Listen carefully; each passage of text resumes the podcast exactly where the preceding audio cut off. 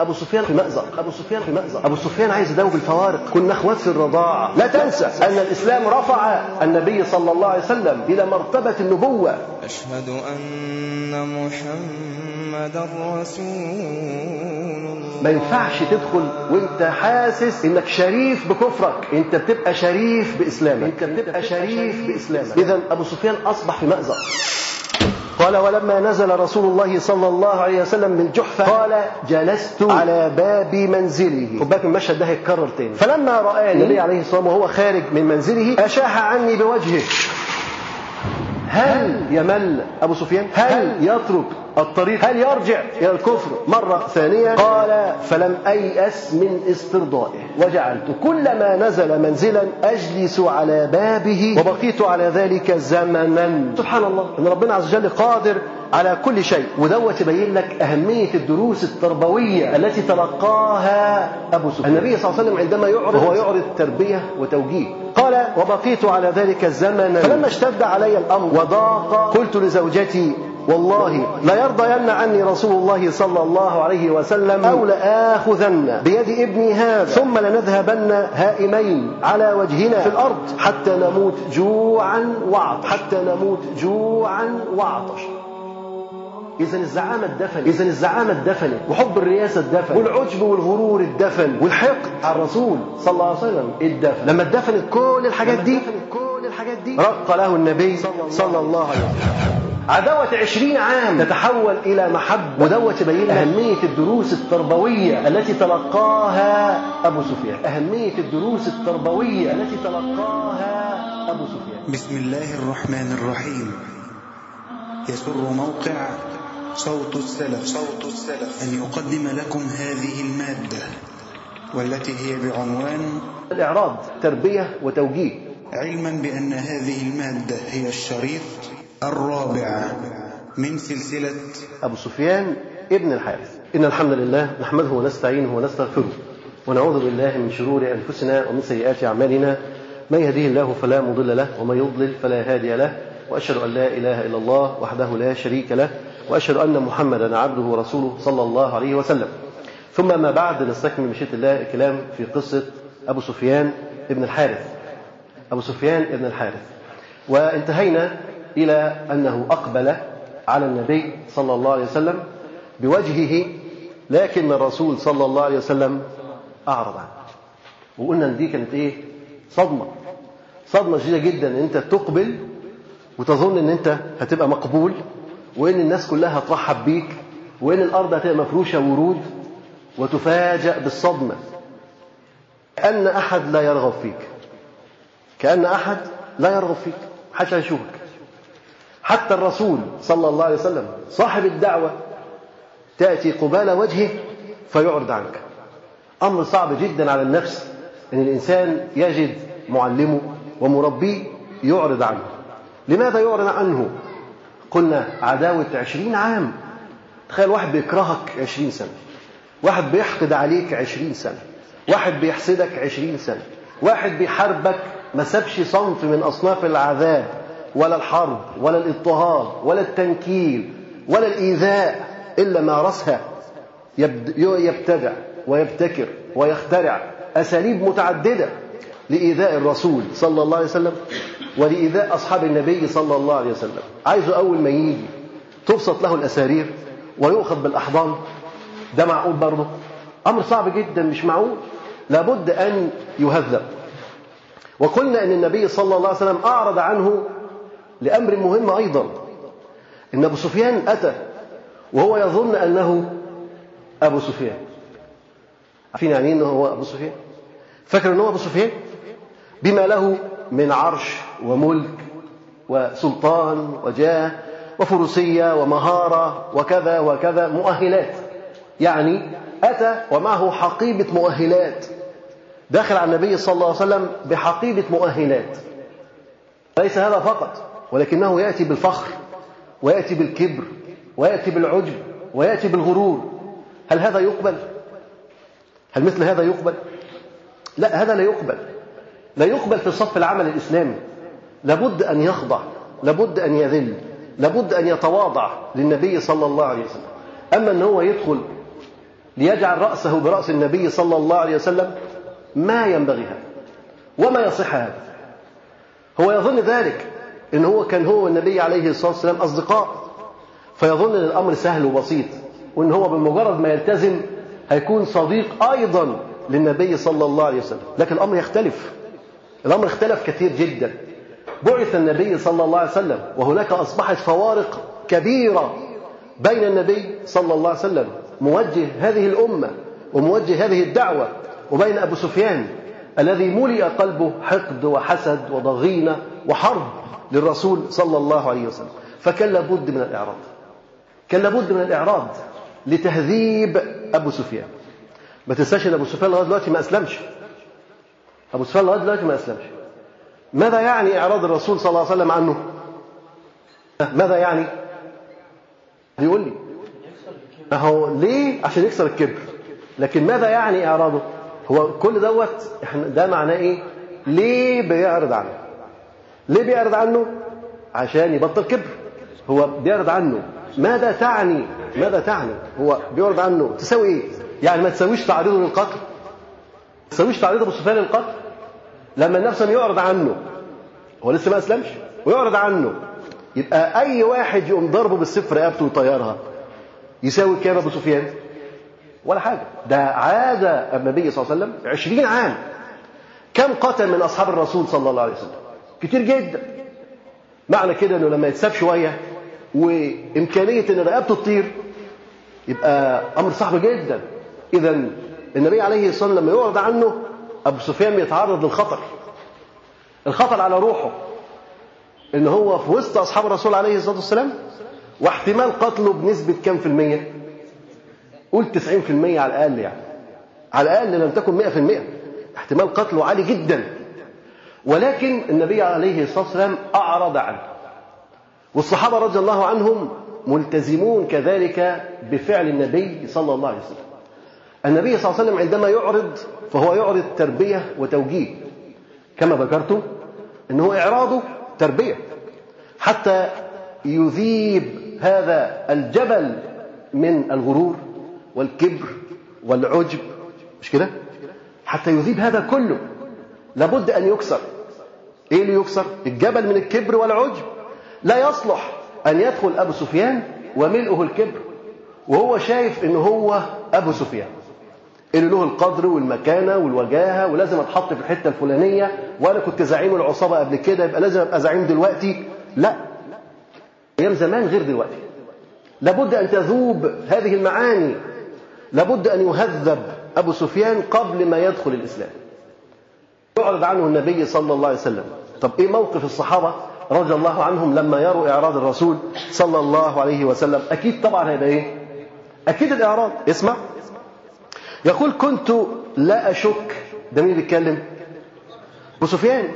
بيقول بقى لما وجد الصد والإعراض بيقول كنت لا أشك وأنا مقبل على النبي صلى الله عليه وسلم أن رسول الله صلى الله عليه وسلم سيفرح بإسلامي وأن أصحابه سيفرحون لفرحه.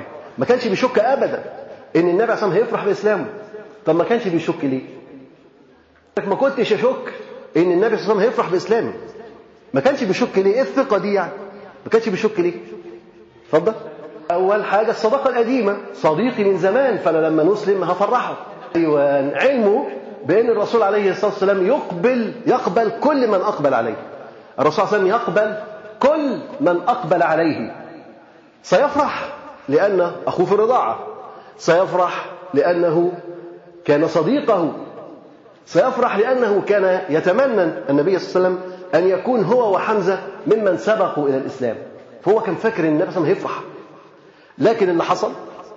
أن النبي عليه الصلاة والسلام عمل إيه؟ أعرض. قال لكن المسلمين حين رأوا إعراض رسول الله صلى الله عليه وسلم عني تجهموا لي. أول ما شاف الرسول أعرض ضيق وشه بس كده. مش بقى هم يسلموا عليه وازيك أبو سفيان وحشتنا؟ لا لا لا لا مفيش الكلام ده. الرسول صلى الله عليه وسلم يعرض يتجهموا له ويعرض كذلك. قال تجهموا لي وأعرضوا عني جميعا كلهم. أعرضوا عن أبو سفيان. كلهم تلاحظ أن الصحابة رضي الله عنهم بينفذوا إيه؟ بينفذوا أمر النبي صلى الله عليه وسلم. طيب هو النبي عليه الصلاة والسلام قال لهم اعرضوا؟ لهم ما لهمش. لكن هم إيه؟ فهموا. هم فاهمين. الرسول عليه الصلاة والسلام أعرض عن هذا. أنت تقبل؟ ما تقبلش طبعا. لما النبي ما يحبش حاجة أنت تحبها؟ لما النبي عليه يبعد عن حاجة أنت تقرب لها؟ لا طبعا. فهم فاهمين هم متربيين على إنه ما أقبل عليه النبي صلى الله عليه وسلم يقبل عليه وما أعرض عنه الرسول صلى الله عليه وسلم يعرض عنه. فبمجرد ما النبي عليه الصلاة والسلام أعرض عن أبو سفيان كان التفاعل الوجداني المباشر إن هم يعرضوا كذلك عن أبي سفيان. فأنت لازم عينك تبقى على المربي تشوفه بيعرض عن مين ويقبل على مين. اللي يقبل عليه تقبل عليه وترحب به اللي يعرض عنه تعرض أيضا عنه وتتجنبه وتتجهم له. فقال لكن المسلمين حين رأوا إعراض رسول الله صلى الله عليه وسلم عني أعرضوا تجاهلوني أو تجهموا لي وأعرضوا عني. وطبعا زي ما قلنا إن دوت تنفيذ لأوامر القائد حتى لو إنه ما اتكلمش. حتى لو إنه ما اتكلمش ما بالك بقى لو اتكلم. زي قصة كعب بن مالك لما النبي عليه الصلاة والسلام يأمر أصحابه أنهم لا يكلمون كعب أربعين يوما. بعدها يزود عشرة خمسين يوم. هل أحد من الصحابة كان يستطيع أن هو يكلم كعب بن مالك؟ أبدا. ده كعب بن مالك نط جوه حديقة ابن عمه ويستحلفه بالله يقول له تعرف أني أحب الله ورسوله؟ يقول الله ورسوله أعلم. أنا مش عرفني. روح شوف نفسك بتحب الله ولا ما بتحبوش. ما جاوبش عليه لما يلقي السلام على إخوانه لا أحد يرد. لا أحد يرد. يدخل المسجد لا أحد يسلم عليه. تخيل نفسك بتدخل الجامع ما حدش يسلم عليك. خالص. تيجي تكلم واحد تروح تشتري حاجة من السوق ما حدش عايز يبيع لك. كنت عايز حاجة طماطم مثلا يحلفها لك وخد. خلاص على كده. بكام ما يقولكش ياخد أي حاجة وخلاص على كده. مفيش كلام. تخيل إنك أنت عايش في مجتمع في وسط ناس أكن الناس دي تماثيل ما بتتكلمش. إيه رأيك في حياة الصمت اللي أنت تعيشها دي؟ إيه رأيك في الحياة الصامتة دي؟ ليس فيها كلام. كله بيتكلم مع كله إلا أنت. فالنبي عليه الصلاة والسلام لما أعطى أوامره لأصحابه ألا يتكلموا مع كعب بن مالك كلهم آه قاطعوا كعب. هذا كان صورة من صور التربية. ان هو كان بيربي كعب وكان بيهذب كعب. ولذلك الصحابة كلهم تضافرت الجهود حتى يشاركوا في تربية كعب. لكن تخيل لو إن النبي صلى الله عليه وسلم يقول لهم ممنوع تكلموا كعب بن مالك. وبعدين واحد يروح له البيت يسهر معاه طول الليل يقول له تقول لحد إن أنا جيت عندك. اوعى تقول لي الرسول صلى الله عليه وسلم ان أنا سهرت معاك. تفتكر كان كعب بن مالك ممكن ينصلح حاله؟ ابدا. كان سيستمر على انحرافه وعلى بعده. لكن لما الكل ينفذ أمر النبي صلى الله عليه وسلم لما الكل ينفذ أوامر المعلم والمربي لا شك أن النتائج تكون إيجابية. لأن هذه هذا الإعراض وهذه الخطوات مدروسة. النبي عليه الصلاة والسلام لم يقل لأصحابه قاطعوا كعب هكذا بيجرب فيه. لا. النبي عليه الصلاة والسلام يعرف ويقصد ما يفعل. عارف هو بيعمل إيه؟ ما كانش بيجرب في كعب رضي الله عنه. ولكن النبي عليه الصلاة والسلام يعلم أن هذا أسلوب لتربية كعب وتوجيه كعب. والرسول عليه الصلاة والسلام كان حريصا على تربية أصحابه وكان محبا لهم. وأحيانا يفعل يفعل معهم ما يؤلمهم. ولكن هذا من حبه. يعني لما يقطع كعب. هو كعب ده ما بيتأثرش؟ هيحزن؟ هيحزن جدا. يؤلم كعب ذلك جدا. ولكن النبي عليه الصلاة والسلام يربيه. إحزانه وإيلامه هذا في تربية له. هنا أعرض النبي صلى الله عليه وسلم عن أبو سفيان. وبالتالي الصحابة كلهم فهموا أن المقصود الإعراض عن أبي سفيان. طيب هنعرض يعني وهنزودها ولا هنعرض بس؟ الرسول نعمل إيه؟ ها؟ نعرض بس نعرض بس. لكن ممكن حد يزودها. هو الزيادة مش مطلوبة. الزيادة مش مطلوب. ما تتبرعش انت. ممكن تفسدها وتخربها. المطلوب انك انت تعرض بس يبقى تعرض بس. فماذا فعل؟ قال فذهبت لقياني أبو بكر. أول ما قابل في وشه كده لا أبو بكر الصديق. فماذا يفعل الصديق؟ ده أبو بكر الصديق. أحب الناس للنبي صلى الله عليه وسلم. على قدر حبك للمربي تنفذ أمره. فبمجرد ما النبي صلى الله عليه وسلم بمجرد ما أبو بكر الصديق رأى أبو سفيان فأعرض عنه مباشرة لانهم خلاص شافوا توجيهات الرسول عليه الصلاة والسلام. لقيني أبو بكر فأعرض عني أشد الإعراض. مش بقى نص وش كده ولا حاجة؟ أشد الإعراض. ونظرت إلى عمر بن الخطاب قلت يمكن أهو استلين قلبه شوية. تيجي من عمر. عمر بن الخطاب هو عايز قلب عمر بن الخطاب يلين ده كان قلب أبو بكر ما لانش يبقى قلب عمر هيلين نظرة مش مظبوطة شوية. قال ونظرت إلى عمر بن الخطاب. نظرة أستلين بها قلبه. نظرة حنية عايز استعطفه. أستلين بها قلبه. فوجدته أشد اعرادا من صاحبه. طبعا ده شيء ضروري. فوجدته أشد إعرادا من صاحبه. يعني إعراض شديد جدا. عبس في وجهه وقتب في وجهه ودير وجهه. يعني ومش كده ده عمر هيزودها دلوقتي كمان. فوجده أشد إعرادا من صاحبه. إحنا بنقوله إنه ينبغي ألا نتجاوز توجيهات المربي مهما كانت المشاعر. أنت ممكن تشوف إعراض الرسول عليه الصلاة والسلام فتعرض بشدة وتزودها. لا نقول لك المفروض إنك تعمل إيه؟ إنك تعرض بس. تعرض بس ما تزودهاش. هذه واحدة. العاطفة مطروحة جانبا. مش حاجة بس اسمها أبو سفيان بقى له 20 سنة ما شفتهوش. ما في أبو سفيان جاي عشان يسلم. ما هو جاي عشان يسلم حبة حبة. هو إن شاء الله هيسلم. هيسلم بس قبل ما يسلم لازم يتهذب. لازم يحس إنه داخل الإسلام بطريقة معينة. مش داخل الإسلام بشنطة رتبه والنجوم بتاعته والنسور بتاعته.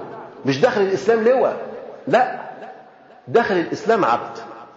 وبعدين الإسلام يخليك لواء يخليك عميد يخليك رئيس حاجة تانية. الإسلام يحطك مكان ما يناسب. لكن أنت لكن لازم تدخل الإسلام وأنت مجرد من أي نجوم ونسور وسيوف كل ده مجرد منه. تدخل خاضع لدين الله تبارك وتعالى. وبعد ذلك توضع في المحل الذي يناسبك. فهنا لابد أن نضبط عواطفنا. تبقاش عواطف جيشة لدرجة أن إحنا نتجاوز أوامر المربي لأن هي ممكن إيه؟ ممكن تفسد. فعمر بن الخطاب رضي الله عنه طبعا إحنا عارفين هو شديد الغيظ على أبي سفيان. فلم يكتفي بالإعراض. ما عمل إيه؟ زودها من تحت لتحت كده. تزويدة من تحت كده. إيه التزويدة ديت؟ قال بل إنه أغرى بي أحد الأنصار. أغرى بي أحد الأنصار. يعني جه واحد من الأنصار وقال له إيه؟ قال له ده أبو سفيان اللي كان بيأذي الرسول صلى الله عليه وسلم واللي كان بيشتم النبي صلى الله عليه وسلم واللي كان بيحارب أصحاب الرسول صلى الله عليه وسلم وده اللي عمل واللي عمل زي ما بيقولوا إيه سخر الأنصار. هو ليه نقى أنصاري ما جابش واحد مهاجري؟ لا لا لا لا. ليه ما عملهاش هو؟ هو عمرو الخطاب ما يقدرش يقول الكلمتين اللي هيقولهم الأنصاري ده يقدر يقول قدهم وعشرة لكن ليه ليه عمر يحجم؟ ليه؟ ليه عمر يحجم الأول؟ ليه عمر يحجم؟ يعني هو عمر شخصية بارزة فهو شخصية مسؤولة. فلما يتكلم يبقى كلامه ده دبلوماسي. ما ينفعش يتاخد عليه كلمات دبلوماسية ده. لازم كلماته تبقى إيه؟ محسوبة. فهو لازم يظهر للمجتمع الدولي إن هو أعرض بس. هو إيه؟ أعرض بس. لكن يهيج أنصاري. أنصاري ليه بقى مش مهاجري؟ عشان الأنصار المفترض إن هم ما يعرفوش مين؟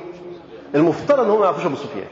فلما واحد تطاول على واحد ما يعرفوش ويقول فيه اللي هو عايز يقوله وفي الآخر يقول له ياه هو أنت رئيس الجمهورية؟ تبقى بسيطة وعدت. ما كنتش أعرفه. لكن لو هو من الأول عارف إن هو دوت فلان الفلاني وهو ده الزعيم وهو ده ما يقدرش يقول معاه حاجة. مش كده؟ ما زي ما بيقولوا ما يقدرش يكح معاه يعني. ما يقدرش يقول حاجة. لكن لما يفضل يخبط فيه يخبط فيه هو مش عارف هو مين فتبقى مقبولة لدى اللي بيتشتم يقول لك والله بيشتمني واحد ما هوش عارفني. لكن لما يشتمني واحد عارفني وعارف قدري يبقى دي إهانة. مش كده؟ وتبقى إهانة موجهة. وتبقى موجهة منين من الرسول صلى الله عليه وسلم.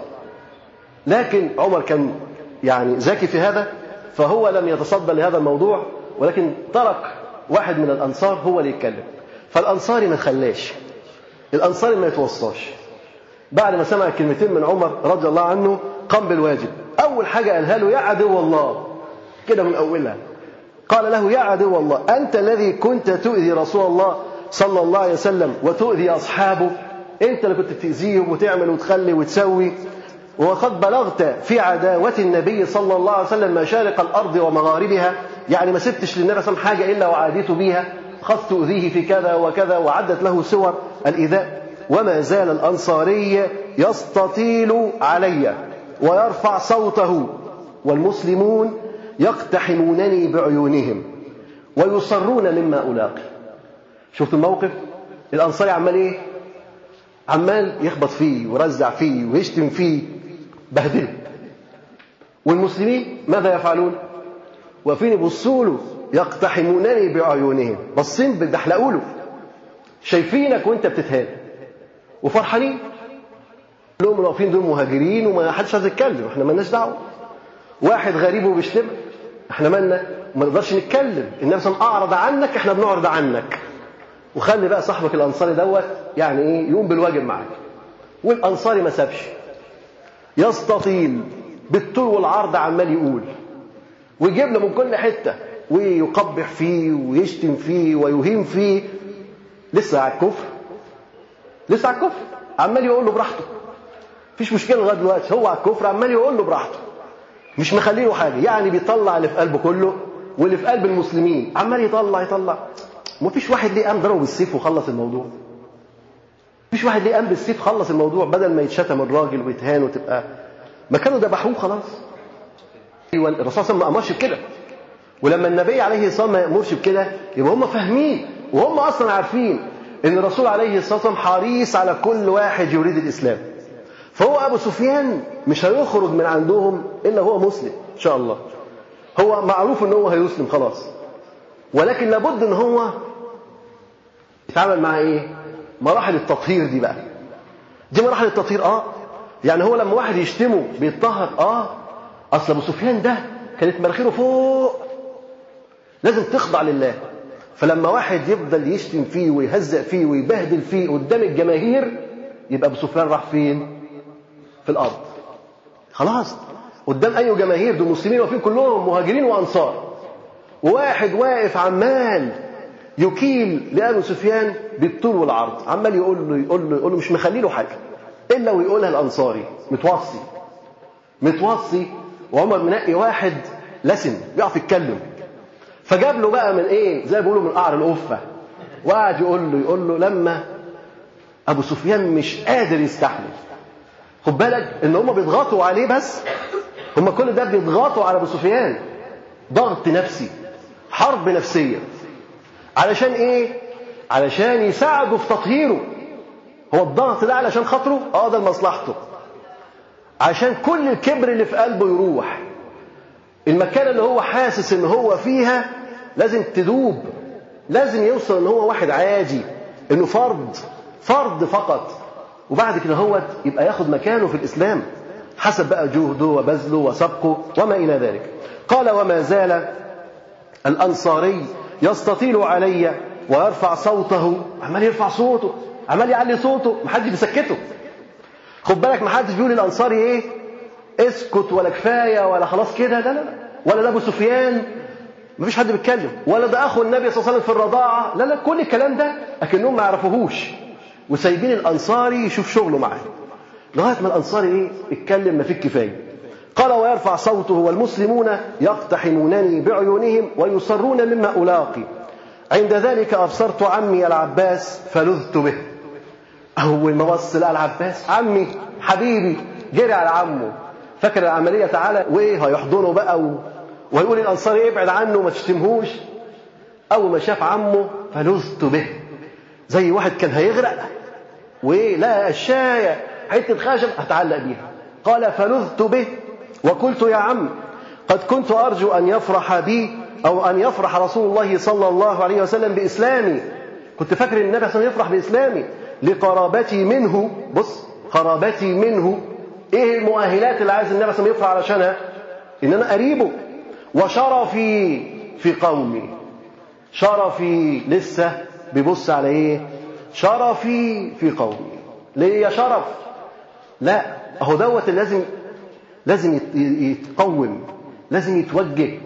ما ينفعش تدخل وانت حاسس انك شريف بكفرك. انت بتبقى شريف بإسلامك. بتبقى عزيز بدينك. بالإسلام الحق مش بالكفر مش باللات والعزى لابد أن أن يتحقق هذا المعنى من الإيمان. إن إيمانك بالله هو الذي يرفعك. هو الذي يجعل لك القدر والمكانة والمهابة وليس شرفك السابق ولا مجدك السابق.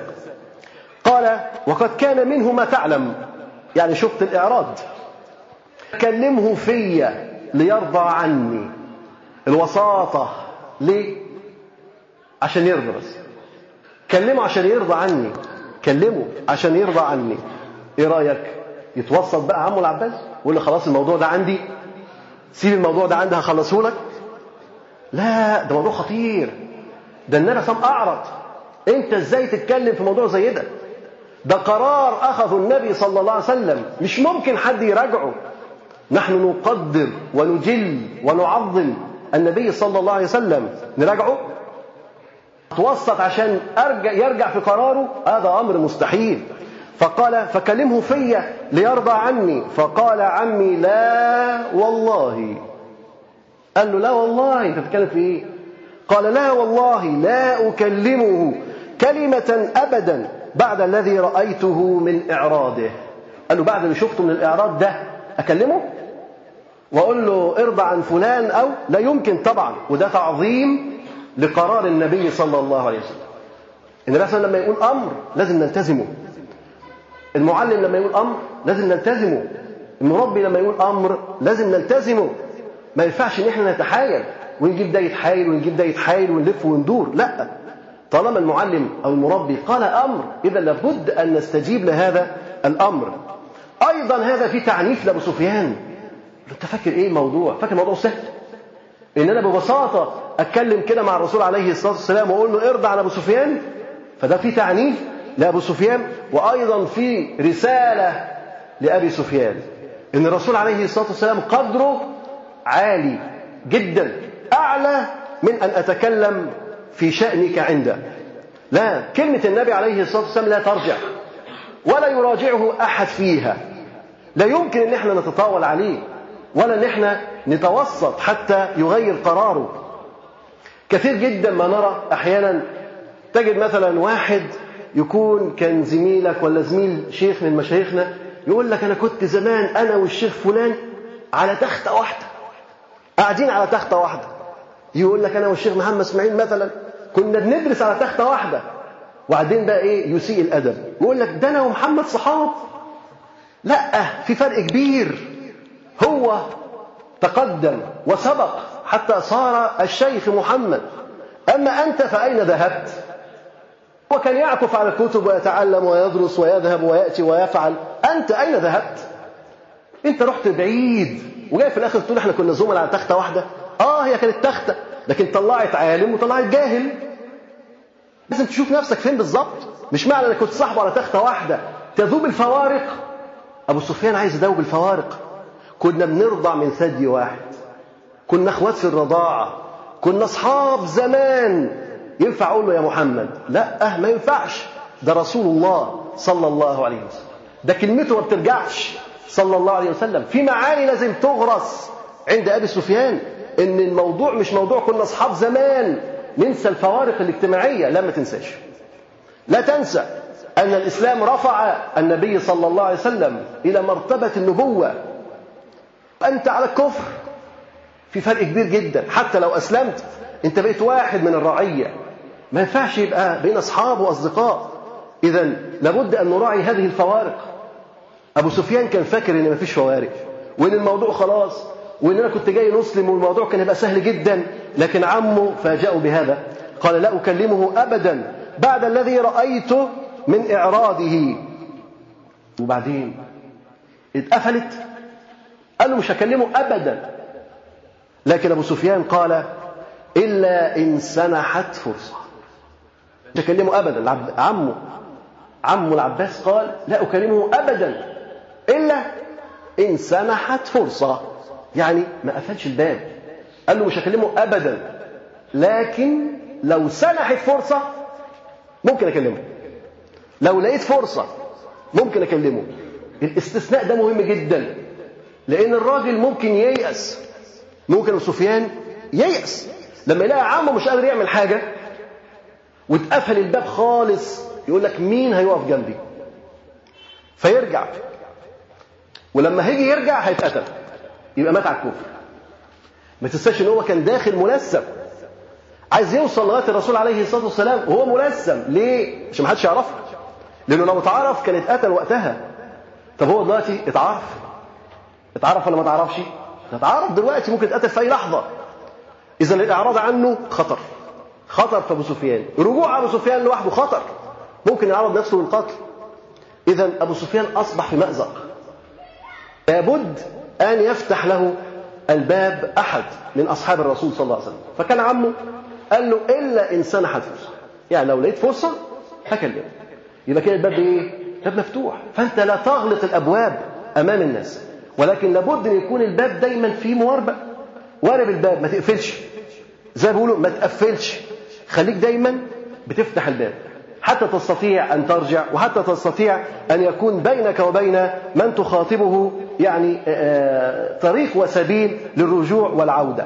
الصحابة فهموا مراد النبي صلى الله عليه وسلم فهموا قصده إنه عايز يهذب أبو سفيان. لما تفهم فلازم برضه من يأس أبو سفيان. لازم نديله إشارة إلى إن الباب ما زال مفتوح. ولأن الطريق ما زال في سبيل أن تسلك هذا الطريق. ولا نغلق الأبواب دون الناس. قال إلا إن سمحت فرصة. فإني ده مين بقى ده؟ ده العباس. أنا أنا مش هقدر أكلمه إلا لو جت فرصة. ليه؟ قال فإني أجل رسول الله صلى الله عليه وسلم وأهابه. أنا أجله وأهابه. له جلالة وله مهاب مهابة. ودي رسالة لابد أن يعيها أبو سفيان. إن الرسول عليه الصلاة والسلام النهاردة له مهابة وله جلال لابد أن هو يهاب ولابد أن يحترم النبي صلى الله عليه وسلم. مش زي الأول مش زي زمان مش زي قبل الرسالة. هذه رسالة لابد أن تصل إلى أبي سفيان. وصلها العباس ولا ما وصلتش؟ كده وصلت وصلت عنده. لا شك إن العباس ما وصل إلى هذا التقدير والإجلال للنبي صلى الله عليه وسلم إلا بهذا الحب العميق للرسول عليه الصلاة والسلام. لما أحبوا الرسول عليه الصلاة والسلام حبا عميقا أجلوا النبي صلى الله عليه وسلم. ولذلك لما تجد النهارده واحد مخالف لهدي الرسول عليه الصلاة والسلام يبقى ده بيجل النبي صلى الله عليه وسلم؟ يبقى ده بيحب النبي صلى الله عليه وسلم؟ كل واحد يقول لك أنا بحب الرسول صلى الله عليه وسلم. لكنه في الحقيقة ما مش عايز أقول لك ما بحبوش مش صادق قوي. مش صادق قوي. يعني تترك سنته ثم تقول أنك تحبه. تخالف هديه ثم تقول أنك تحبه. أين أنت من هدي وسنة الرسول صلى الله عليه وسلم؟ كل واحد ينظر في حاله يجد نفسه مقصر في هدي وسنة الرسول صلى الله عليه وسلم. وبعد كده هو تقول إن أنت بتهابه وإن أنت بتجله وإن أنت بتحبه وتحترمه. أن هذا أن هذا ده غير صحيح. لابد ان إحنا نراجع ايماننا بالنبي صلى الله عليه وسلم. فقلت يا عمو مين اللي بيتكلم؟ أبو سفيان. قال له يا عم إلى من تكلني اذا فاكرين الكلمة دي؟ إلى من تكلني اذا يعني إلى من تكلني؟ لمين؟ مش كده؟ هتسيبني لمين؟ إلى من تكلني اذا لكن أبو سفيان بيلجأ لمين؟ العباس لكن النبي صلى الله عليه وسلم كان يلجأ إلى ربه تبارك وتعالى. قال إلى من تكلني إذا ده دليل على إن إن أبو سفيان قوي ولا ضعيف؟ جدا ضعيف. بدأ يضعف. أبو سفيان بدأ يضعف. يضعف قدام إيه؟ قدام إعراض النبي صلى الله عليه وسلم. قدام إعراض الصحابة رضي الله عنهم. قدام سب هذا الأنصاري. مش كده؟ قدام عيون المسلمين كلهم. بدأت مهابته تزول وتضعف قوته لدرجة أنه مش قادر يدافع عن نفسه. ويقول لعمه إلى من تكلني إذا؟ سيبني مين؟ هروح لمين؟ لما أنت عمي ومش قادر تنصرني ومش قادر تساعدني إلى من تكلني إذا؟ قال ليس لك عندي غير ما سمعت. هو ده اللي عندي. يا قول له مالكش غير اللي قلته ده؟ ما أقدرش أقول لك حاجة أكتر من كده. يعني وكأنه إيه؟ كأنه بييأسه لكن هو بييأسه في الحقيقة؟ لا بس بيقول له الموضوع صعب. بيبين له إن الموضوع صعب جدا مش زي ما أنت متخيل. فقال ليس لك عندي غير ما سمعت. فتملكني الهم وركبني الحزن ولم ألبث أن رأيت ابن عمي؟ شاف ابن عمه المرة دي علي بن أبي طالب رضي الله عنه. فكلمته في أمري فقال لي مثل ما قالت عمنا العباس. كلمته في أمري. يعني إيه كلمته في أمري؟ ها؟ يعني قلت له خلي النبي صلى الله عليه وسلم يرضى عني. مش كده؟ كلمته في موضوعي. يعني خلي الرسول صلى الله عليه وسلم يرضى عني. تشفع لي عند النبي صلى الله عليه وسلم عشان يقبلني. فرد عليه زي رد مين؟ زي رد عمه. بالظبط قال فكلمه في أمري. تلاحظ تلاحظ معاني مهمة جدا. ماذا نستفيد من قوله؟ فكلمه في أمري. أبو سفيان بيقول لعلي بن أبي طالب فكلمه في أمري. يقول له خضوع إيه تاني؟ يدل على ضعفه ماشي إيه تاني؟ يدل على ضعفه الدرس وصل. الإصرار على إيه سمعني سورة الإصرار على دخول الدين. الإصرار على اللحوق بالرسول صلى الله عليه وسلم. فهم الدرس وإنه لابد أنه يتهذب ويتربى. لازم. بس مصر بقى رغم أنه اتشتم رغم أنه اتهان. مش كده؟ لكنه مصر. وده يدل على إيه؟ على صدقه. إنه لو كان كذاب كان يستحمل الشتم كان يستحمل الهجر كان يستحمل الضغط كانش يستحمل لكنه لأنه صادق ويرغب في المسير خلف النبي صلى الله عليه وسلم أصر على أن يلتقي بالرسول صلى الله عليه وسلم. قال له كلمه في أمري كلمه في أمري. لكن المفاجأة إنه قال له إيه؟ نفس الرد. قال له ما أقدرش أكلمه. ده أنا أهاب الرسول عليه الصلاة والسلام وأجله. أنت بتتكلم في إيه؟ ما نقدرش يعني نراجع النبي صلى الله عليه وسلم. أمر النبي عليه الصلاة والسلام ده ما نقدرش نراجعه. محدش يقدر يقف قدامه ولا يراجعه. بيغرس فيه مهابة الرسول صلى الله عليه وسلم. بيعلمه إن الكلمة اللي يقولها النبي صلى الله عليه وسلم نعمل فيها إيه؟ نسمعها ولا ما نسمعهاش؟ نسمعها وننفذها. كما يقول النبي صلى الله عليه وسلم. وهنا ترى وحدة المنهج وحدة منهج التلقي. هو علي بن أبي طالب كان قبل العباس وسمع منه الكلمتين دول؟ لا. ده هو علي اللي قالهم من تلقاء نفسه. معنى كده إن هم متربيين تربية واحدة. منهج التربية منهج واحد. هو هو اللي عاش عليه العباس وهو هو اللي عاش عليه علي بن أبي طالب رضي الله عنه. وهذا من ثمرة الانخراط في العمل مع إخوانك. لما تنخرط في العمل مع إخوانك هتبقى نسيج واحد. هتفهم فهمهم وتقول بقولهم وتعي الأمور كما يعون أيضا هم هذه الأمور. وهذه من ثمرة الانخراط. لكن الإنسان لما يشتغل لوحده ويعمل لوحده هيبقى له رأي لوحده. ممكن هذا الرأي يعارض أمر النبي صلى الله عليه وسلم. ممكن يخالف الشرع. لكن لما تنخرط في وسط إخوانك يبقى رأيك رأي صائب موفق مسدد بإذن الله. فرد عليه نفس رد عمه العباس عند ذلك رجعت إلى عم العباس. رجع لعمه العباس تاني. طب ليه؟ ما هو خلص مع العباس رجع له تاني ليه؟ قال يا عمي إذا كنت خد بالك بيقولوا إذا كنت لا تستطيع أن أن تعطف علي قلب النبي صلى الله عليه وسلم لو كنت مش قادر تعطف علي قلب النبي صلى الله عليه وسلم مش قادر تتوسط لي مش قادر تخلي الرسول صلى الله عليه وسلم يرضى عني؟ لو كنت انت مش قادر لو الموضوع ده مش في ايديك هي طلب صغير. طب اصغر من كده. وهو كده بدأ يشعر إن الطلبات مدرجة.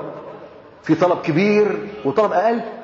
إذا طلب إنك تعطف قلب النبي صلى الله عليه وسلم وتحاول تغير قراره ده طلب صعب. طب إيه الطلب اللي أبسط منه واللي أيسر منه شوية؟ قال فكف عني ذلك الرجل. سكت الراجل عمال يشتمني ده. سبحان الله. تحس بالذل. مش كده؟ يقول لك سكت الراجل عمال يشتمني ده. إيه مش عايز سكته ده أنت أبو سفيان. أبو كلمة كبيرة. لها شنة ورنة زي ما بيقولوا. مش كده؟ فارس المغوار. صاحب اللسان الفصيح البليغ. مش قادر تسكت واحد بيشتمك. يقول له فكف عني هذا الرجل. الذي يشتمني. مش كده وبس؟ ويغري الناس بشتمي. طبعا لما الراجل ده عمال يشتم يشتم يشتم الناس اللي واقفة ما كل واحد برضه يقول له كلمتين. هتبص لا بيشتم وده بيشتم وده بيشتم. الدنيا هاجت عليه. فهو قال لك وقف الراجل اللي عمال يشتمني ده. سكته. سكت اللي بيشتمني دوت ويغري الناس بشتمي. فقال له صفه لي. قبل ما يوصفه له نرجع تاني للسطر ده. قال له إذا كنت لا تستطيع أن تعطف علي قلب الرسول صلى الله عليه وسلم. الحتة ديت نستوحي منها حاجة معينة؟ له كنت مش قادر تعطف علي قلب النبي صلى الله عليه وسلم. فيها أن أبو سفيان وكأنه عارف أن قضية قلب النبي عليه الصلاة والسلام دي هتتحل. عارف أن القضية دي هتتحل. ليه؟ لأن الرسول عليه الصلاة والسلام بيقبل كل حد. كل من يأتي إليه يقبله. ولكن أبو سفيان كان مستعجل. كان عايز الموضوع يخلص بسرعة. لا الموضوع مش هيخلص بسرعة. ولازم ياخد خطوات تدريجية. لازم تدوب من قلبك حاجات كتير ومعاني كتيرة. طب خلاص بقى ما أنتوا مش قادرين على دي؟ سيبوها دي هتتحل. إمتى؟ هنصبر بقى لغاية ما يجي وقتها. وكأنه تهيأ لرحلة طويلة. فيها معاناة وفيها ضغط على نفسه وفيها إيلام لكن هيستحملها. بس في بذاءة مش قادر يستحملها. الراجل عمال يشتمه ده بيشتم بيجيب من قعر القفه زي ما قلنا. بيجيب من أي حتة وعمال يشتم يشتم ألفاظ ممكن تكون بذيئة. وأبو سفيان مش مستحمل. خايف يرد أنصاري وفي المدينة وله رجالته يعني ممكن أبو سفيان يروح فيها. فهو متكتف. مش عارف يعمل إيه؟ فقال له سكت ده. سكته. خليه يسكت يبطل شتيمة. قال كف عني ذلك الرجل الذي يشتمني ويغري الناس بشتمي فقال صفه لي صفه لي صفه لي وصفوا لي بقى. الراجل اللي بيشتم دوت بيعمل إيه؟ الراجل بيشتم دوت تفتكر ليه دور ولا ملوش دور؟ الشتيمة بتاعته ديت هي مهمة بالنسبة لشتيمة كافر ولا لأ؟ هي بتحدث لدى الكافر هزيمة نفسية إنه عمال يتشتم ومش قادر يرد. فبتعمل لك هزيمة نفسية تخلي قلبك يتحرق. إن واحد زي ما أنت تكون مثلا أمام طاغية عمال يشتمك وأنت مش قادر ترد. قلبك بياكلك عايز تذبحه. لكن ما انتش قادر. فاهم؟ فهو هنا بيتشتم ومش قادر يتحرك. فبتعمل له نوع من الهزيمة النفسية حتى يلين قلبه ويخضع لما يؤمر به. فقال صفه لي. قال فوصفته له. قال له صفه لي. فوصفه له آه وصفه كذا كذا كذا فوصفه له. قال ذلك نعيمان بن الحارث النجاري. ذلك عرفه. قالوا ذلك نعيمان ابن الحارث النجاري رجل مشهور. فأرسل إليه بعث للرجل ده له تعالى نعيمان. وقال أما النعيمان مثل بين يديه فقال إن أبا سفيان ده مين بيتكلم بقى؟ ده العباس. بيقول لنعيمان إن أبا سفيان ابن عم رسول الله صلى الله عليه وسلم. خد بالك من دبلوماسية الحوار. بيقول له نعيمان عمال يشتم ويشتم ويشتم عايز يسكته. هيسكته إزاي؟ فبيقول له يا نعيمان بشويش بهدوء. إن أبا سفيان ابن عم رسول الله صلى الله عليه وسلم وابن أخي ابن أخويا وابن عم النبي صلى الله عليه وسلم يعني في قرابة بيني وبينه وبينه وبين الرسول صلى الله عليه وسلم. فهمت ولا لسه ما فهمتش؟ قلب بعضها. يعني هي العيله بعضها زي ما بقول لك كده. قال وابن أخي بص بقى الحتة الجاية وإن يكن رسول الله صلى الله عليه وسلم ساخطا عليه اليوم فسيرضى عنه غدا. هو النبي صلى غضبان عليه النهارده. هيرضى عنه في يوم من الأيام. وبعدين هيبقى شكلك وحش. فكف عنه. فكف عنه. يبقى هنا قدر يدفع ولا ما قدرش يدفع؟ هو كده بيفتح الباب لأبو سفيان. بيخلي فيه بارقة أمل. وخد بالك كان في إشارة مهمة جدا. وهو بيتكلم بيقول له إيه؟ وان يكن رسول الله صلى الله عليه وسلم ساخطا عليه اليوم فسيرضى عليه. يعني يعني ما تيأس يا أبو سفيان. افهم لو ان الرسول عليه الصلاه غضبان عليك النهارده هيرضى عنك في يوم من الأيام. بس أنت اصبر. لازم تصبر. فما بيقفلش الباب. يبقى مرة قال له يعني والله لو جيت صدفة لو جيت مناسبة قال إن سنحت فرصة. يبقى ما قفلش الباب في وشه. هنا مرة ثانية بيردد له. بيقول له إيه؟ يكن رسول الله صلى الله عليه وسلم ساخطا عليه اليوم فسيرضى عنه يوما. فكف عنه. المطلب كف عنه كفاية. طيب هيسكت مع ايمان ولا مش هيسكت؟ يسكت. لازم يسكت. لأن هو فاهم إن كل الصحابة بتمارس الضغط على أبو سفيان. مثلا إدى تعبيرات أعرض عنه.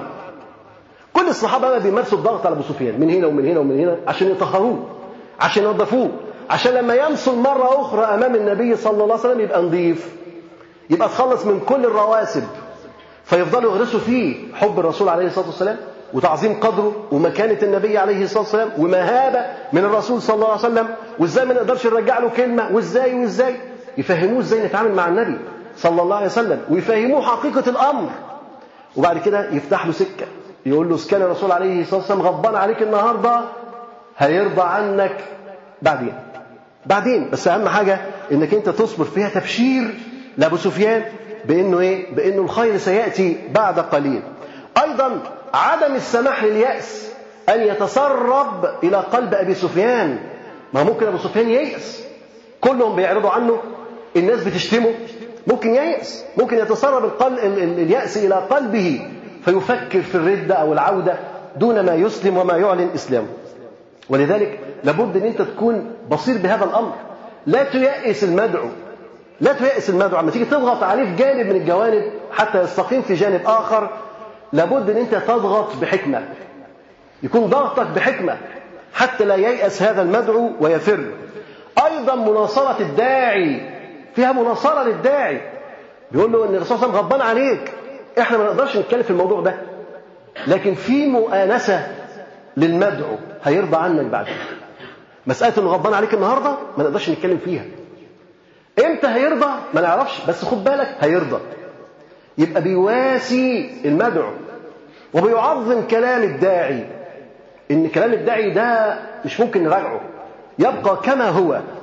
تعظيم دوت مهم جدا.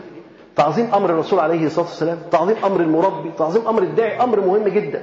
وكان في أثناء صلح الحديبية كان في وفود بتأتي من قريش لتتحدث مع الرسول صلى الله عليه وسلم عشان يظبطوا صلح الحديبية. جه واحد واثنين وثلاثة وكان في وفد فيه عروة ابن مسعود. عروة بن مسعود دوت رجل يعني قبيح اللسان. قبيح اللسان. فاجر. يتكلم بألفاظ ساقطة هابطة يعني كلامه لا يسر. وهذا لما يأتي على رأس وفد. يبقى تخيل شكل الوفد إيه؟ يعني مثلا لما يبعثوا لك في وفد كوهين مثلا ولا نتنياهو ولا واحد من السفلة الساقطين يبقى أنت فاهم خلاص إن هي نتنياهو هتبقى معفنة تبقى ما هي سالكة. تبقى عرفت خلاص إن لا في مفاوضات ولا في سلام ولا فدوت رجل يعني جلف ما يفهم شيء. أتى ليفاوض. طبعا تخيل شكل المفاوضات هيبقى شكلها إيه؟ فكان العرب على عادتهم إن هم لما يجي يفاوضوا فإذا كان الذي أمامه ند له فكان يمسك لحيته كده أثناء المفاوضة. يمسك لحيته أثناء المفاوضة. فصاحبنا فاكر النبي صلى الله عليه وسلم أي مفاوض؟ فماسك لحية الرسول صلى الله عليه وسلم وهو بيفاوض. الرسول عليه الصلاة والسلام ليس من عادته أن يقف أحد فوق رأسه وهو جالس. يعني النبي صلى الله عليه وسلم مش من سنته إنه لما يكون قاعد في وسط الصحابة كده يبقى في واحد اثنين واقفين يحرسوه. لا. طالما اللي قاعدين كلهم مسلمين كله قاعد مفيش حد يقف. لكن لما يكون في وفد كافر جاي كان لابد من حراسة فوق رأس النبي صلى الله عليه وسلم. الكفار كانوا بيعملوا كده. لما كان يأتيهم وفد مسلم كانوا بيحطوا حراسة على قائدهم. افرض الوفد دوت معاه حاجة هيقتل بها القائد. أمر محتمل. فكان الرسول عليه الصلاة والسلام لما يستقبل الوفود. كان يبقى فيه واحد اثنين حراسة فوق رأس النبي صلى الله عليه وسلم. فكان مين واقف بقى حراسة؟ كان المغيرة بن شعبة. المغيرة بن شعبة. واقف لابس الخوذة بتاعته والمغفر على وجهه. محدش شايفه. وماسك السيف جنبه. طالع من على طول سيف صلت جاهز يعني للطعن والضرب مباشرة. فالمهم إن عروة مسك لحية النبي صلى الله عليه وسلم. هو إيه؟ وهو بيتكلم فماذا فعل المغيرة؟ فانتهره وقرع يده بقائم السيف. يعني انتهره زعق له وقام ضرب إيده ببطن السيف. مش السيف حد كده ضربه بالحتة دي. قام ضربه كده أهو. قال له إيدك. أن ضربه. هو بيمسك لحية الرسول صلى الله عليه وسلم؟ فأول ما ساب اللحية أن ضربه على إيديه. ونهره بالكلام وقال أكفف يدك. عن مس لحية رسول الله صلى الله عليه وسلم قبل ألا تصل إليك. يعني إيه قبل ألا تصل إليك؟ قبل ما أقطعها لك. بيقول له ابعد إيدك عن مس لحية النبي صلى الله عليه وسلم قبل ما أقطعها لك. عن كلام إيه؟ جامد جدا. فطبعا عروة مش متوقع الكلام دوت. وطبعا هو راجل زي ما قلنا إن هو إيه يعني آه مش مؤدب. فلما يسمع كلام عنيف قوي زي ده وهو وفد مش قادر يعمل حاجة. فبص لقى خبطة جت بالسيف على إيديه وقال له اوعى إيدك بدل ما أقطعها لك. طبعا اتنرفز وغضب وعايز يعرف مين ده. فقال عروة ابن مسعود للنبي صلى الله عليه وسلم من أنت من هذا يا محمد؟ صلى الله عليه وسلم يقول من أنت من هذا؟ يقرب لك إيه ده؟ هو فاكره قريبه بقى. قال من أنت من هذا يا محمد؟ صلى الله عليه وسلم الذي أرى من بين أصحابك؟ فقال صلى الله عليه وسلم هذا ابن أخيك. هذا ابن أخيك ده مش يقرب لنا ده يقرب لك أنت. هذا ابن أخيك المغيرة بن شعبة. قال له يا غدر. بيشتمه بقى. بيشتمه بيقول له يا غدر يعني يا غادر. ده أنا لسه مخلص بلاويك امبارح. وكان المغيرة كان قبل إسلامه كان أغار على قبيلة. وخلص دبح وقتل وسرق اللي فيها وجه بالفلوس كلها للنبي صلى الله عليه وسلم. فالنبي قال له لا. قال له الفلوس دي ما نقبلهاش. ورجع الفلوس وقبل إسلامه بس. فمين كان بيسدد عنه؟ عروة. عروة اللي هو عمال يسدد. كان لسه امبارح مخلص آخر قسط. بيقول له يا غدر يا غدر لسه مخلص لسه مخلص امبارح. وجاي النهارده تضرب ايديا تغيرت الأحوال. مش كده؟ وده في تعظيم لقدر النبي عليه الصلاة والسلام. لما تلاقي ده ده ابن عمك. ده مش غريب عنك. ده هو دوت اللي واقف لك. هذا يبين لك مدى تعظيم الصحابة لقدر النبي صلى الله عليه وسلم في نفوسهم. فقال فكف عنه. يعني خلاص كفاية عليك. كده وما زال به حتى رضي بأن يكف عنه. وقال لا أعرض له بعد الساعة. قال له خلاص مش هكلمه تاني. آخر مرة دي. قال لا أعرض له بعد الساعة. طب هل أبو سفيان ييأس بقى؟ موضوع مقفل خالص كده. ييأس أبو سفيان. قال ولما نزل رسول الله صلى الله عليه وسلم بالجحفة دي مكان بين مكة والمدينة بس قريب جدا من مكة لأن النبي عليه الصلاة والسلام كان في طريقه لإيه؟ كان في طريقه لفتح مكة. فهو بيقرب. فلما اقترب الجحفة قال جلست على باب منزله ومعي ابني جعفر قائما. راح على باب بيت النبي صلى الله عليه وسلم وقعد. وابنه جعفر إيه؟ واقف. خد بالك المشهد ده هيتكرر تاني. هو قاعد وابن جعفر إيه؟ واقف. فلما رآني النبي عليه الصلاة والسلام وهو خارج من منزله أشاح عني بوجهه. عمل إيه تاني؟ أعرض تاني بعد كل الإهانة اللي أنا خدتها دي. هي دي ما فيش ما بتوصلش للنبي عليه الصلاة والسلام إنه وصل لأنه مرحلة؟ من الإهانة والإحراج بتوصل. بس هو النبي صلى الله عليه وسلم سايبه. لسه. لسه لما يطيب على الآخر لما يستوي يعني زي ما بيقولوا لما يطهر لما ينضف. فأشاح بوجهه قال فلم أيأس من استرضائه. تاني بعد ما أشاح بوجهه قال فلم أيأس من استرضائه. إذا لابد أنك أنت تبذل الجهد في استرضاء معلمك ومربيك. إذا أنت أحدثت خطأ أو زلل إذا لابد أنت تبذل الجهد في استرضائه. مش تقول أنا حاولت معاه مرة وهو ما رضاش؟ لا مرة واثنين وثلاثة حتى يرضى. لا تيأس أمام قسوة المربي أو قسوة المعلم أو إعراضه. لا تيأس أحيانا المعلم المربي يقسو عليك يشتد عليك يحتد عليك ينهرك يزجرك ماذا تفعل؟ تيأس. تقول لك أشوف له واحد غيره. لا مش هتلاقي. مش هتلاقي. ولو رحت مش هترجع. إذا لا تيأس ولا بد من الصبر. لا تيأس من الوصول. إذا كنت مخلصا. لو كنت فعلا مخلص في الوصول إلى مرضاة الله عز وجل والرسول لابد أن تصبر.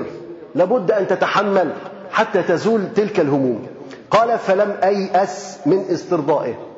وجعلت كل ما نزل. خد بالك بقى من كل ما نزل يعني اتكررت كم مرة دي؟ مرة ولا مرتين ولا ثلاثة؟ كتير. كل ما نزل منزلا كان يعمل إيه؟ كان يقعد نفس القعدة. كلما نزل في منزل أجلس على بابه وأقيم ابني جعفرا واقفا بإزائي. كلما نزل زي ما قلنا فيها استمرار الطلب. إن هو إيه؟ بيلح بيلح في الطلب. الحاح غير عادي أيضا ملاحقة المربي في كل مكان لاسترضائه. راح هنا يروح وراه راح هنا يروح وراه راح هنا يروح وراه. مش يقول لك خلاص بركة يا جامع أنا جيت أعتذر له مرة هو ما لقيتوش خلاص مش جاي له تاني. انت الخسران. لابد أن تذهب لابد أن تلح لابد أن تكرر الإيه؟ يعني الاعتذار مرة بعد الأخرى. قال وجعلت وجعلت كلما نزل منزلا أجلس على بابه وأقيم ابني جعفرا واقفا بإزائي المشهد دوت ليه؟ ليه هو قاعد وابنه جعفر واقف؟ كل منزل نفس المشهد. هو قاعد وابنه جعفر واقف. ليه مش مشهد غريب شوية؟ هو قاعد وابنه جعفر واقف. ليه؟ ليه؟ دي يقول لي كده؟ ها؟ ما يقوم هو كمان. صح؟ لو احترام يبقى لازم يقوموا هما الاثنين ها؟ أيوه استعطاف قلب النبي صلى الله عليه وسلم. هو أبو سفيان عنده كام سنة تقريبا؟ ده داخل في الستين مش كده؟ في الستين فهو يأتي إلى النبي صلى الله عليه وسلم. من يستطيع الوقوف يقف. ومن لا يستطيع الوقوف يجلس. بس المهم إنه جه قعد. يستعطف النبي صلى الله عليه وسلم. يسترضي النبي صلى الله عليه وسلم إن أنا قاعد موجود. ومشهد الاستعطاف ده مهم جدا. كان حصل مرة كده هو من سنة تقريبا حاجة وتسعين يعني في التسعينات. كانوا مرة بيحكموا على واحد بالإعدام. واحد كانوا بيحكموا عليه بالإعدام. وخلاص في الجلسة النهائية اللي يحكموا عليه بالإعدام فالمحامي بتاعه عمل إيه؟ الراجل دوت كان عنده 12 عيل. يعني رزمة. دستة زي ما بيقول دستة. دستة أولاد. ففي اليوم اللي فيه الحكم الأولاد دول كل الصغيرين فوق بعضيهم كده. اللي مش عارف سنة والاثنين واللي اربعه يعني إيه؟ يعني طابور كده هو متوالي على طول. فيوم الجلسة دخل ال 12 عيل دول القاعة وقفهم قدام القاضي. هم دول أولاد الراجل اللي أنت هتحكم عليه بالاعدام ده. وطلب تخفيف الحكم. الإعدام لأي حاجة تانية. بس دول 12 عيل. انت هتقتل واحد هيتشردوا 12 وأخذ يحاور ويناور حتى نال التخفيض في الحكم. عمل إيه؟ استعطف قلب القاضي. لما عرض قدامه ال 12 عيل. فأبو سفيان لما يستعرض ابنه يبقى بيستعطف إيه؟ قلب النبي صلى الله عليه وسلم. وهو لما يقعد وأنا مش قادر أقوم مش قادر أتحرك يبقى بيستعطف قلب النبي. صلى الله عليه وسلم. قال وأقيم ابني جعفرا واقفا بإزائي فكان إذا أبصرني الرسول صلى الله عليه وسلم أعرض عني. برضه كل ده أعرض عني. وبقيت على ذلك زمنا. ما اتقتلش ليه في المدة؟ مفيش أمر بقتله. مفيش أمر بقتله. غير كده إن الصحابة كانوا حاسين إن الرسول عليه الصلاة والسلام بيعمل إيه معاه؟ بيهذبه. بيربيه. ما يجيش يقتله. النبي عليه الصلاة والسلام أعرض عنه فقط ولم يشير لأحد بقتله. ولو أشار لقتل من أول لحظة لكنه ما أشار لأحد. يبقى أنت تفضل معرض بس. وفضل قاعد في وسطهم ما اتقتلش. رغم إنه كان بسهولة جدا ممكن يتقتل لكنه بيتحرك كتير ويروح هنا ويروح هنا كان ممكن يقتل. لكنه لأنه ليس هناك أمر بقتله فظل موجودا تعرف إن النبي صلى الله عليه وسلم إيه؟ يريده. ولكن ليس بحقيبة أبي سفيان. عايزه آه بس مش بشنطة أبو سفيان. مش بالرتب. مش بالكبر والغرور والعجب. لا مش بالزعامة. مش بحب الرياسة. كل الأمراض دي لازم تدفن لما تدفن هيرضى عنه النبي صلى الله عليه وسلم. لكن طول ما الأمراض دي موجودة يبقى أبو سفيان يفضل زي ما هو. حتى تزول تلك الأمراض تماما. قال وبقيت على ذلك زمنا فلما اشتد علي الأمر وضاق قلت لزوجتي والله لا يرضين عني رسول الله صلى الله عليه وسلم أو أو لآخذن بيد ابني هذا ثم لنذهبن هائمين على وجهنا إلى في الأرض حتى نموت جوعا وعطشا. قال لهم بصوا بقى لو يرضى لا إما يرضى عني النبي صلى الله عليه وسلم يا إما هاخد ابني ده وهمشي في الصحراء. لغاية ما أموت بقى من الجوع والعطش. هنا آثر إيه أبو سفيان؟ الموت. آثر الموت. بس هيموت كافر؟ لا. هيسلم ويدخل الصحراء بقى. النبي عليه قبل إسلامه أو ما قبلش إسلامه هو هيسلم وهيدخل الصحراء. رضي عنه النبي عليه الصلاة والسلام أو لم يرضى هو هيموت. لو رضى خلاص. يبقى اتحلت المشكلة. لكن لو ما رضاش هيرضى هو بقى بنفسه إنه يسلم ويدخل الصحراء. يموت بقى أو ما يموتش حسب ما يأتي أجله. كاد اليأس إن هو يتسرب إلى إيه؟ إلى قلب أبو سفيان. وخلاص أبو سفيان لا يملك حيلة. مفيش حيلة خالص. يقدر يعمل حاجة؟ يقدر يعمل حاجة أبو سفيان؟ مش قادر يعمل حاجة خالص. لما انعدمت الحيل تماما وشعر بعجزه التام وفقره المطلق حينئذ بلغت هذه الكلمات النبي صلى الله عليه وسلم. قال فرق لي فلما بلغ ذلك النبي صلى الله عليه وسلم رق لي رق لي وترى هنا رقة قلب النبي صلى الله عليه وسلم. أول ما حس إنه خلاص هيموت هيموت نفسه هينتحر. لو إن النبي صلى الله عليه وسلم ما رضاش عنه النبي لا لغاية هنا لا لا تقتل نفسك. لا تموت وأنت على الكفر. لابد من الوقوف. هنا لا أقف. فيرق له قلب النبي صلى الله عليه وسلم. طب يرضى عنه؟ يرضى عنه؟ لا لسه ما رضاش عنه. بس رق له رق له يعني هيوقف ويبص في وشه ويقبل إسلامه. لكن يرضى عنه بقى دي مرتبة ثانية مرتبة أعلى. إنه يرضى عنه النبي صلى الله عليه وسلم. فلما بلغ ذلك رسول الله صلى الله عليه وسلم. كيف بلغه ذلك؟ إزاي وصلوا الكلام ده؟ وصلوا إزاي؟ بسيطة خالص. عن طريق الصحابة حاجة سهلة خالص. عن طريق الصحابة. ده معنى كده إن الرسول عليه الصلاة والسلام كان أبو سفيان كده؟ ولا كان في رقابة حوالين أبو سفيان؟ كان في متابعة حوالين أبو سفيان؟ كل خطواته مرصوده بتوصل للرسول عليه الصلاة والسلام. وهو الذي يقدر الوقت المناسب للحوار مع أبي سفيان. إذا الخطوات مرصوده مش معنى إن المربي معرض يبقى هو مش شايف بقية الناس لا شايفه كويس. شايفه مش شايفه بعينيه هو لكن شايفه بعيون إخوانه. شايفه بيعمل إيه وبيتحرك إزاي وصل لأي درجة من الدرجات. وتغير الأحوال بتصل إلى الرسول عليه الصلاة والسلام اولا بأول حتى يأخذ القرار المناسب. ولذلك رق له النبي صلى الله عليه وسلم. رق له لوضوح صدقه. خلاص الراجل عايز يموت. يبقى ده كذاب ولا خلاص بدأ يبقى صادق؟ بدا يبقى صادق كده. وضح صدقه صدق التوبة والعودة إلى الله سبحانه وتعالى. خلاص أمراضه كادت تدفن. مرض الزعامة. راح فين؟ هو عايز يبقى زعيم على ابنه في الصحراء؟ عايز يبقى زعيم على ابنه في الصحراء؟ لا ده هياخد ابنه ويموته. إذا الزعامة اتدفنت وحب الرياسة اتدفن والعجب والغرور اتدفن والحقد الحقد على الرسول صلى الله عليه وسلم اتدفن. لما اتدفنت كل الحاجات دي رق له النبي صلى الله عليه وسلم. ولما خرج خد بالك هو رق له من قبل ما يشوفه.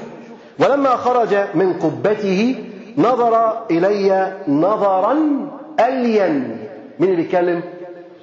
أبو سفيان. بيقول لك لما النبي صلى الله عليه وسلم خرج من قبته نظر إلي نظر ألين من النظر الأول. يعني أبو سفيان بيتتبع نظرات مين؟ نظرات النبي صلى الله عليه وسلم. تبقاش أنت واقف زي الأعمى. ما أنت شايف المربي بتاعك زعلان ولا غضبان ولا متنرفز ولا متضايق. لابد أن أنت ترمق نظراته. شوف هو بيفكر إزاي هو بيبص إزاي هو غضبان من إيه وفرحان من إيه. يعرف نظرات النبي صلى الله عليه وسلم. النظرة.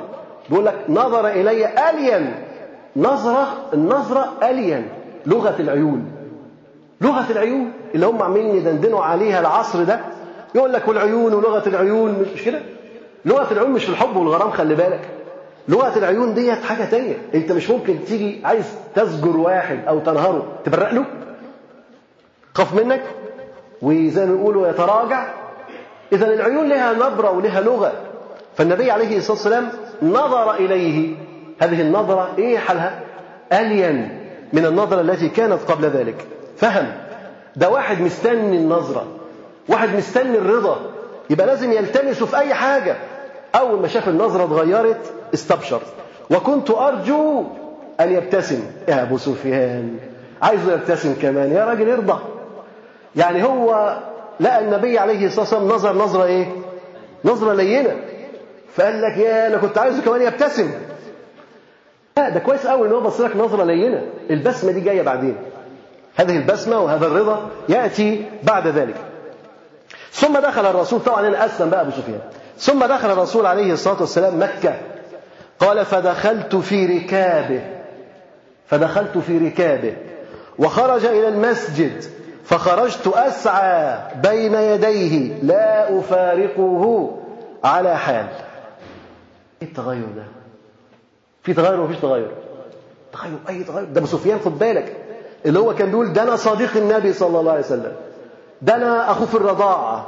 ده أنا ده أنا وده. وعمال يدندن فيها ويقول في نفسه ويرفع في نفسه.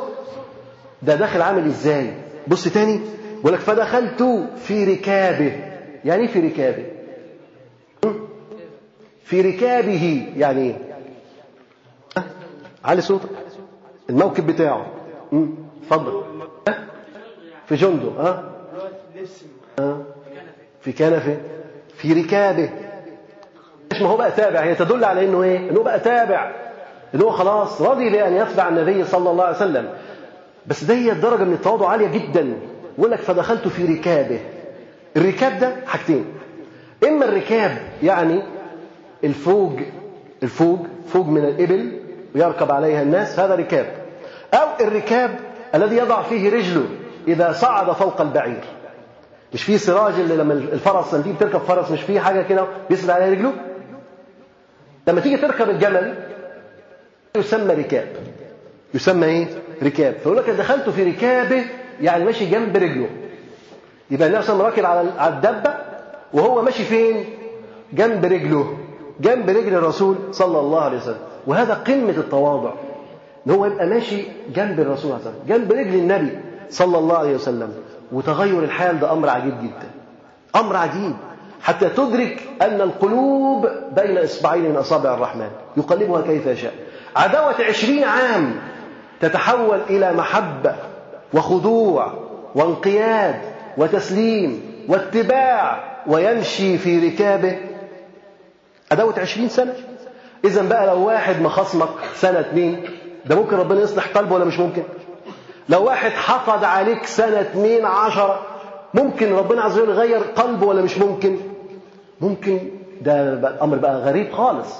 الأمر بقى غريب خالص إن كل الأحوال ممكن تتغير.